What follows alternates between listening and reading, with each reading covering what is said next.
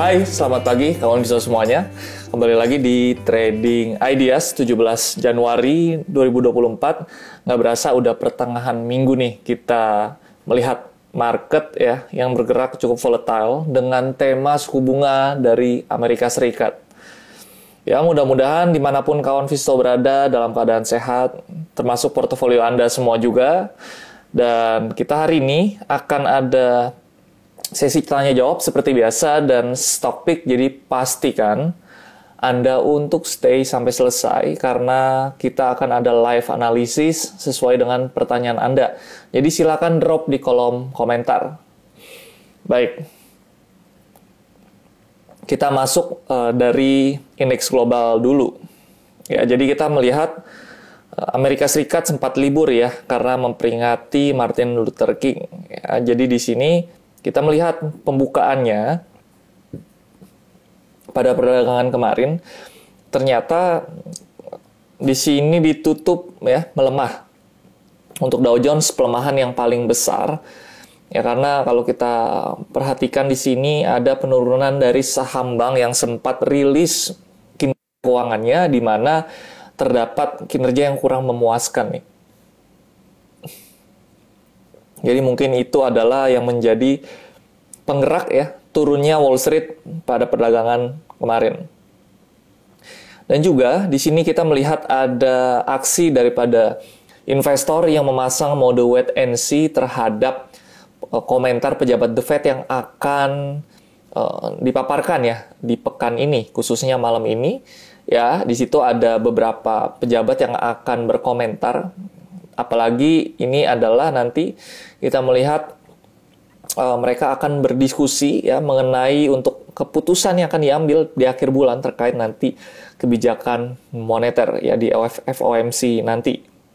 Ya, dan nanti kalau kita perhatikan lagi lebih seksama uh, dari data yang ada, inflasi yang uh, mungkin masih tidak terlalu landai ya. Memang sudah melandai tapi trennya ini uh, karena kalau kita melihat tenaga kerja yang kuat ini bisa merangsang dari inflasi yang sulit untuk turun dan terutama juga ada konflik di Timur Tengah ya. Di sini ada eskalasi di Laut Merah. Jadi ini membuat bursa global khususnya juga di Asia ini mengalami pelemahan yang cukup drastis.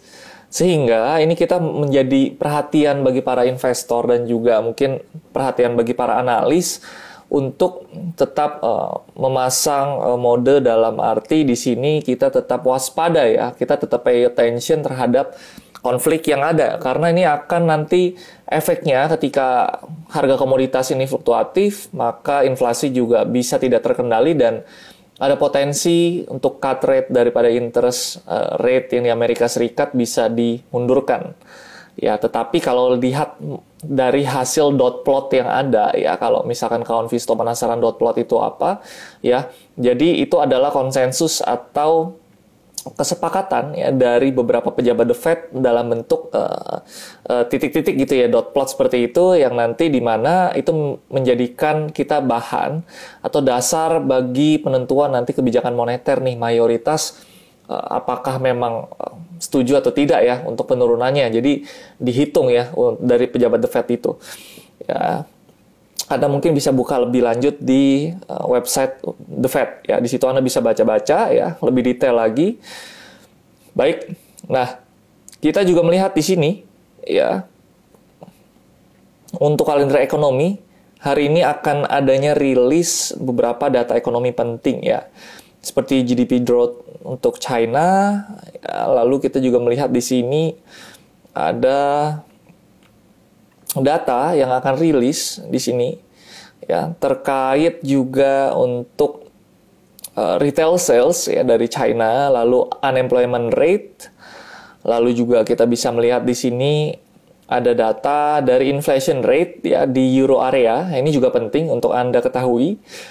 Lalu juga malam nanti ya pasar akan digerakkan dengan retail sales dari Amerika Serikat ya di sini.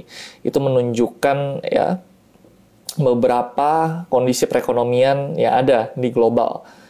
Ya, termasuk industrial production ya dari Amerika Serikat juga ini akan ada. Dan juga di sini ada uh, speech ya uh, tadi yang saya katakan di awal dari komentar beberapa The Fed ya. Uh, pejabatnya di sini ada Bowman lalu ada Bar ya ada Fed Bar lalu juga ada Woods ya di sini pejabatnya kita bisa perhatikan ya akan berkomentar seperti apa yang nanti dampaknya akan kepada uh, pergerakan uh, market ya atau pergerakan Wall Street yang nanti efeknya tentu saja ke domestik.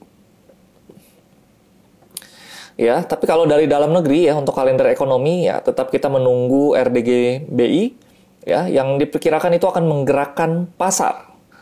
Ya, jadi kita masuk aja nih langsung ke bursa domestiknya ya. Ini adalah bridgingnya.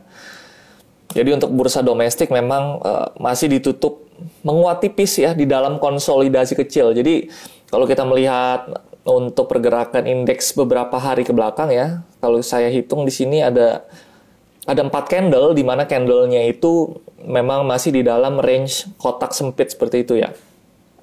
Dan kita bisa melihat untuk uh, gainernya, di sini gainernya dipimpin oleh cyclical dan basic industry. Penguatan masing-masing 1,05 persen dengan uh, basic industry yang 0,78 persen menguat.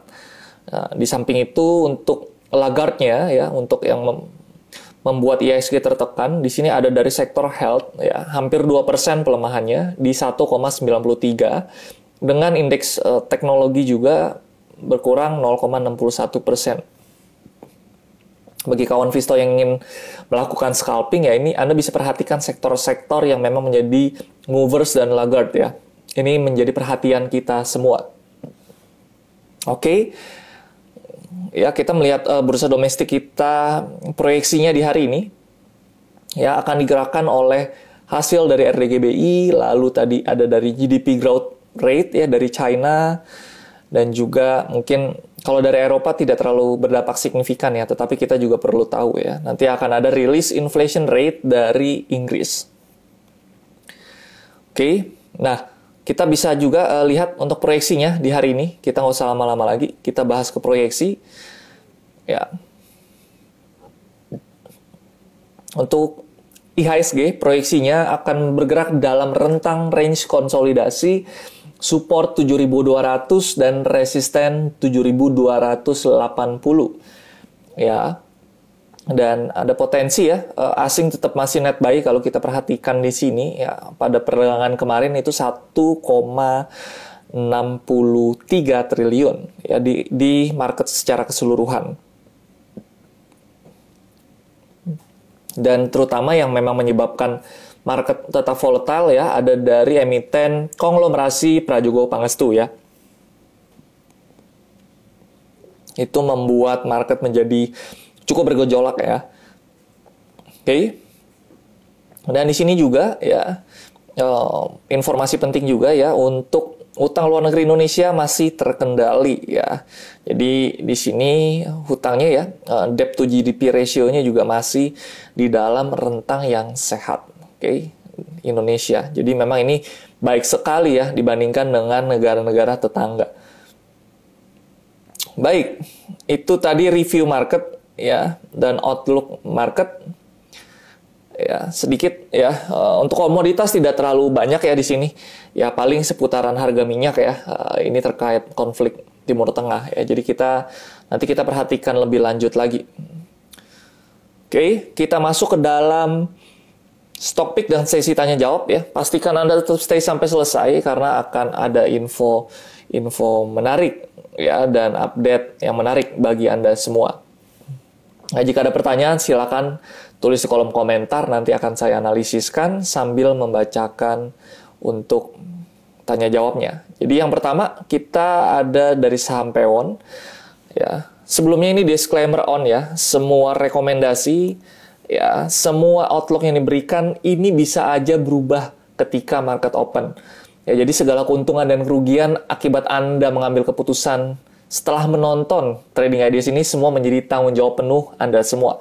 Saya hanya memberikan outlook area-area support resisten yang memang di sini bisa menjadi acuan Anda tetapi bukan menjadi keputusan Anda secara langsung ya. Karena bisa aja kemarin saya sempat uh, mendapatkan informasi bahwa uh, kenapa nih brand turun tapi uh, brand naik tapi kenapa disuruh jual ya karena memang secara price itu memang sudah break daripada area support jadi saya tekankan ya harga bisa aja berubah ketika saya sebutkan di hari ini ya mungkin sebelum market open dan bisa juga nanti setelah uh, closing market ini berubah lagi arahnya.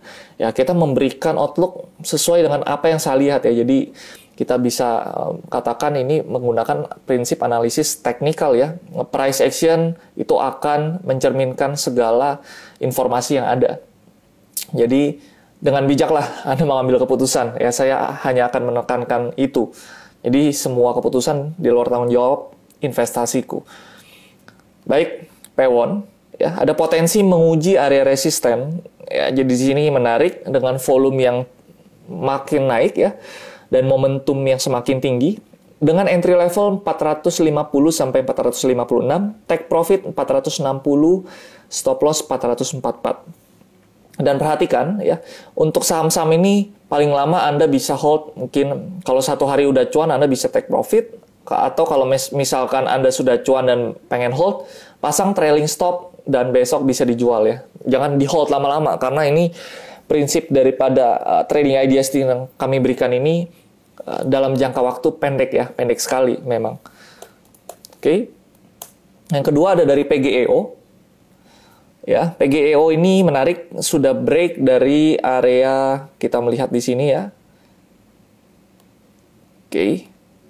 Break dari area resisten mid Bollinger Band Ya, dengan entry level kita berikan 1225, ya, take profit 1270 sampai 1280, stop loss 1205. Ada pertanyaan sedikit ya, kita bahas ada yang masuk dari Cegas ya. Ini sama IPO saya tahu nih. Ya, Cegas. Ya. Nah, seperti ini kawan Visto. Saya saya katakan Cegas ini secara price memang akan berpotensi naik karena membentuk swing low atau rebound. Tetapi jangan saya katakan seperti ini nanti market open Anda buy. Ini bisa aja turun. Ya, kenapa bisa aja turun? Karena kita belum melihat historisnya seperti apa. Jadi ketika saya bilang ada potensi naik, itu belum tentu pasti naik ya. Anda perhatikan, ini akan bisa menguat ketika harga bertahan di atas harga 370 ya. Kalau break 370 ya Anda jangan masuk ya. Oke, jadi selama bertahan di atas 370, eh, cegas ini berpotensi untuk menguat ke 660 ya, pendek menengah jangkanya ya. Oke, itu untuk cegas. Kita lihat sedikit ke brand ya. Ini yang kemarin saya dikatakan katanya uh, harga turun, tetapi kok malah naik? Ya, karena memang sudah mencapai area support ya. Jadi ini perlu di Anda perhatikan lagi ya, jangan saya katakan ini turun lantas Anda langsung menjual. Ya, ini sudah di area support dan wajar sekali ketika terjadi rejection atau kita bisa katakan ya Anda harus mengerti area support terlebih dahulu. Ya, ketika ada suatu support atau lantai biasanya ini konsepnya sama seperti bola. Bola yang dipantulkan ke area lantai biasanya akan ada rebound dulu. Ya, di tengah dari tren saham yang memang kalau kita melihat secara jangka menengah, brand ini sudah patah tren. Ya, jadi wajar kalau harga saham itu turun lalu naik. Nah, ada potensi ketika memang sahamnya ingin bergerak dalam downtrend, biasanya naik sebentar baru turun lagi. Ya. Tetapi ketika Anda ya memang punya harga rata-rata yang memang di atas dan Anda ingin menurunkan harga rata-ratanya, Anda tinggal averaging down. Ya. Ini hanya contoh ya. Tetapi Anda jangan averaging down di brand, ini tidak bijak. Harga memang tendensi masih bergerak turun. Kalau Anda pakai indikator MACD, di sini histogramnya semakin tebal dan potensi ketika harga break, ya ini break dengan volume, makanya saya katakan ini Anda bisa pertimbangkan untuk cut loss ketika Anda punya di area atas ya. Karena penurunannya sudah lebih dari ya 20% ya kalau Anda beli di area resisten ini ya di area 6000. Ya kecuali Anda mau uh, butuh uh, dananya cepat ya memang Anda harus mau nggak mau cairkan. Tetapi kalau Anda long term investment ya Anda selama Anda punya uh, income kuat ya atau punya equity kuat Anda silakan averaging down ya averaging down di saham yang memang fundamentalnya baik. Itu dari brand ya. Jadi saya tekankan lagi, ini bukan rekomendasi, ini bukan sarana Anda untuk mengambil keputusan ya secara langsung. Oke, kita lihat ada pani ya. Pani di sini juga ada potensi menguat karena di area support. Ya, supportnya kita bisa tandai ya 4280. Kalau break dari 4280, ingat ya account Visto, kalau break dan close di bawah 4280, bisa pertimbangkan untuk exit dulu. Ya. Karena sekali lagi style akan berbeda, advice juga akan menjadi berbeda nih. Ya. Nah, untuk pani ini ada potensi menguat ya ke resisten terdekat 4770. Oke. Okay. Baik, kita lanjut ke stock pick lagi ya. Di sini ada dari Elsa. Kami melihat Elsa ini cukup menarik breakout dengan volume dan sudah melakukan retest atau uji kembali daripada resisten yang menjadi support ya. Jadi ketika atap itu ditembus dan tiba-tiba turun lagi, lalu menguji lagi area supportnya yang sebelum ada resisten, Ya, jadi ini saya coba visualkan ya, biar Anda lebih paham. Ya, jadi Anda harus mengerti juga nih ya, cara membaca chart yang baik. Harga ini naik, ya. Dia akan ditutup candle merah lalu turun, ya. Itu artinya ada harga menguji kembali atau menjemput order di area support. Ya, ketika terjadi seperti ini, da, eh, maka ada potensi Elsa ini menguji area lagi, resisten lagi, ya, naik seperti ini potensinya seperti apa ya? Ya, untuk area Elsa ini ya stop loss-nya bisa di 406 sampai 408 ya. Take profit di 426 ya, entry-nya 414 sampai 420. Kita berikan rentang ya. Seperti itu untuk Elsa masih menarik. AMRT ini adalah saham yang kalau saya melihat secara jangka menengah ya ini masih dalam konsolidasi tetapi Anda bisa perhatikan di sini ada support lower Bollinger Band. Ya. Di sini support lower Bollinger Band ketika terjadi rejection pada AMRT ya atau penguatan, di sini ada potensi menguji klasik resisten atau mid Bollinger Band. Jadi kita rekomendasikan di 2650 untuk buy sampai 2680 Take profit 2730, stop loss di area 200 2610. Kita lanjut ke Akra ya. Dan jangan lupa Anda uh, drop pertanyaan lagi di kolom komentar supaya saya bisa analisakan. Akra ya sudah menguji area resisten dan ditutup dengan candle yang kurang baik, tetapi volume di sini tinggi ya sehingga momentum penguatan akan terjadi ya potensi entry level kita berikan di 1575 sampai 1585 take profit 1615 stop loss 1555 oke okay. baik itu tadi 5 topik ya jadi disclaimer on lagi ya saya selalu sampaikan Anda bisa dengan bijak ya uh, mengambil keputusan dari rekomendasi yang ada. Baik, ada pertanyaan dari Pak Rio ya.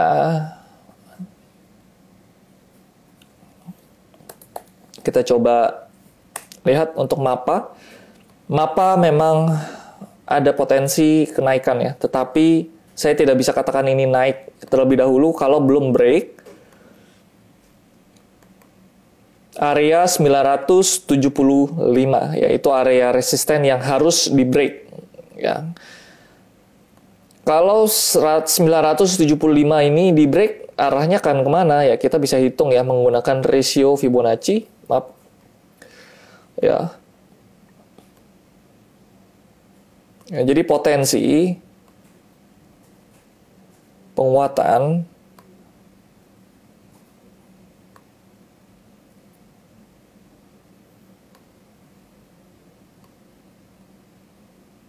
Ketika mapa ini berhasil menembus area 975, targetnya ke area 1000 sampai nanti 1030 ya. Selama catatannya bertahan di atas 935 ya. Oke. Okay.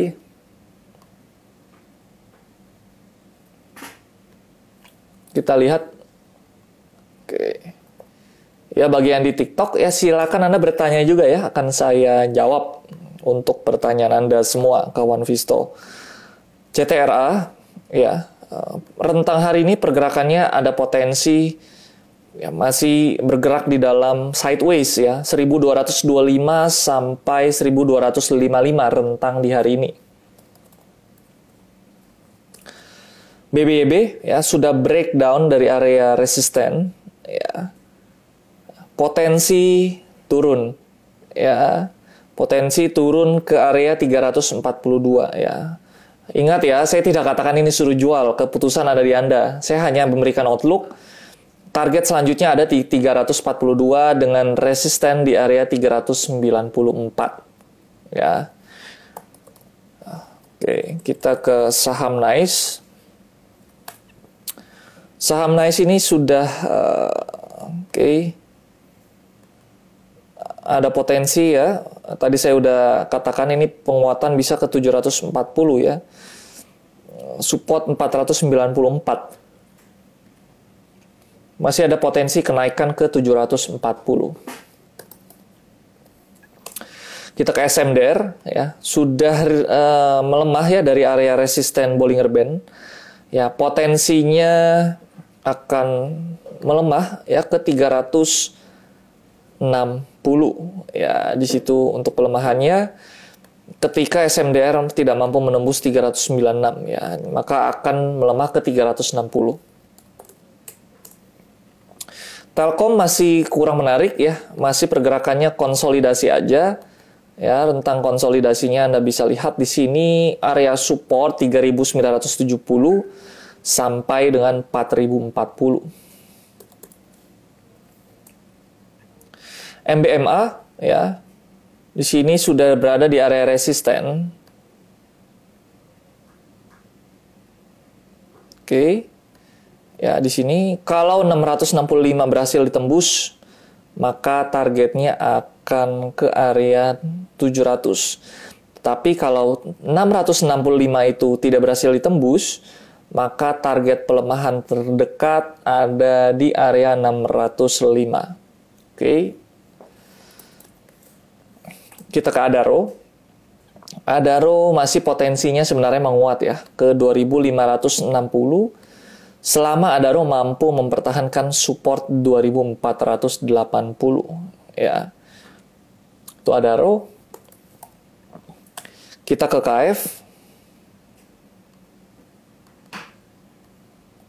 Ya, KF masih potensinya ya bergerak di antara range 1115 area resisten, supportnya 1025. Ya. Kita ke silo Silo ada potensi penurunan ke support 2130, resisten di area 2270. Kita BBHI ya, BBHI potensi penguatan ke 1330 selama support di area 1280 mampu dipertahankan. Tugu potensi ya melemah ke 1080 dengan resisten 1125. Oke. Baik, itu trading ideas hari ini ya. Jadi sudah saya jawab semua, mudah-mudahan ini bisa menjadi dasar Anda untuk pengambilan keputusan. Jadi uh, bagi yang belum uh, bisa terjawab ya, mungkin ada Pertanyaan satu ya terakhir akan saya bahas karena kita masih ada waktu. Ya, BBTN ya. Uh, ada potensi BBTN melemah ke 1310, resisten 1360. Oke. Okay.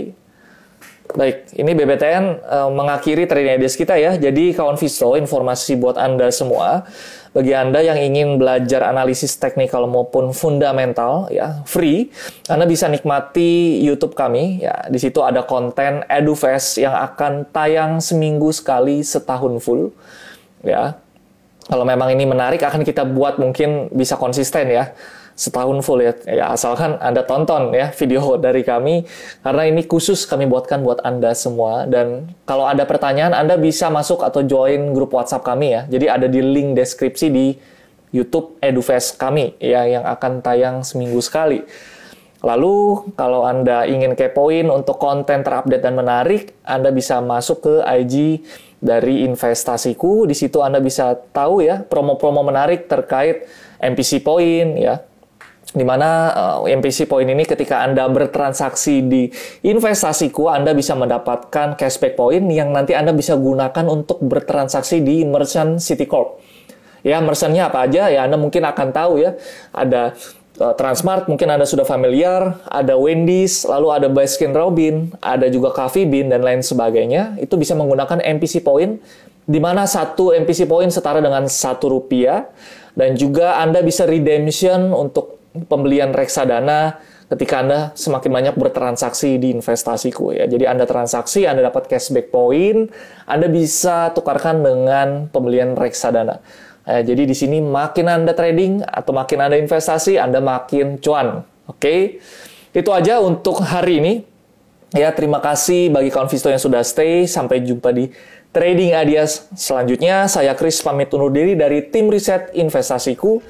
Investasiku for better tomorrow.